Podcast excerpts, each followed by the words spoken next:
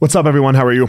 Head over to the website, elliottmarshall.com. You can grab your spot in the Gospel of Fire Rocky Mountain Retreat. It's going to be three hours of jiu jitsu a day two classes or two sessions of mindfulness training per day uh, that are going to help us with strategies to relieve stress, strategies to move through your day and be more productive, strategies to have difficult conversations in our lives, and just so much more. A group of like minded folk so that you can just do your life a little more skillful. And, you know, I don't know, I think I teach Jiu Jitsu okay too. So head over to the website, elliottmarshall.com. You'll see it. Scroll touch, and you can reserve your spot right now for the the Colorado Gospel of Fire Mastermind Retreat.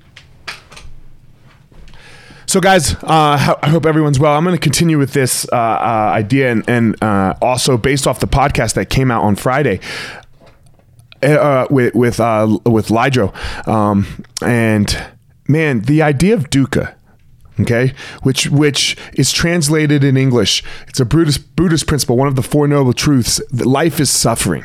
And we hear that and sometimes that turns us off so much to buddhism. Like what do you mean life is suffering? And that's not really what he was saying was the idea of dukkha. It's not like suffering as like all day is just bad and how do you deal with it right? Like that that's not what it is.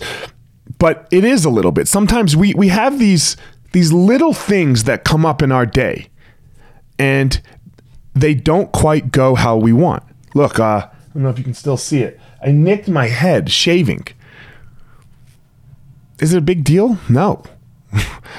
but is it what I wanted? No. That's the idea of dukkha.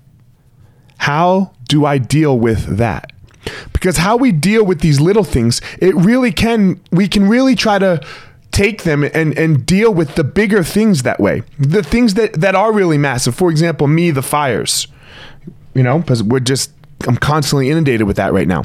So can I uh can I look at my practice of dealing with the nick in my head or whatever little thing happens that I don't like and can I take that to a bigger level in consciousness in my life like okay this is still just suffering it's suffering on a greater scale how do I deal with my suffering?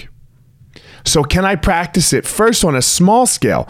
Again, I'm going to relate back to jujitsu. You don't just throw someone in a match on their first day. The first things that we do is we make it very simple for them right or, or or anything go to go to riding a bike you know now we have these strider bikes where the kids can learn to just use their feet you know, no pedals yet. Just use their feet and learn how to balance. Pick their feet up and glide and stride. You know, through through the uh, through the street.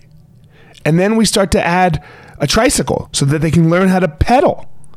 And then you combine the two things, and now you're riding a bike, and then you're jumping off jumps, right? But you're not just going to the bike park and throwing these kids off, off jumps. How, we, we start little. So, how do we deal with the little sufferings of our life? The small ones that don't matter, but matter so greatly. I'm have a question for you, or I have an ask of you. I want you to start to pay attention to the little sufferings in your life, the things that we normally just let slide on by and don't even pay attention to. And we, we, you know, I cut my head and I, and, and I dealt with it how I dealt with it. No, pay attention, and then try to take those principles to actually uh, the big principles of your life, right? Re- really making them okay. If I can do it here, then I can do it a little more.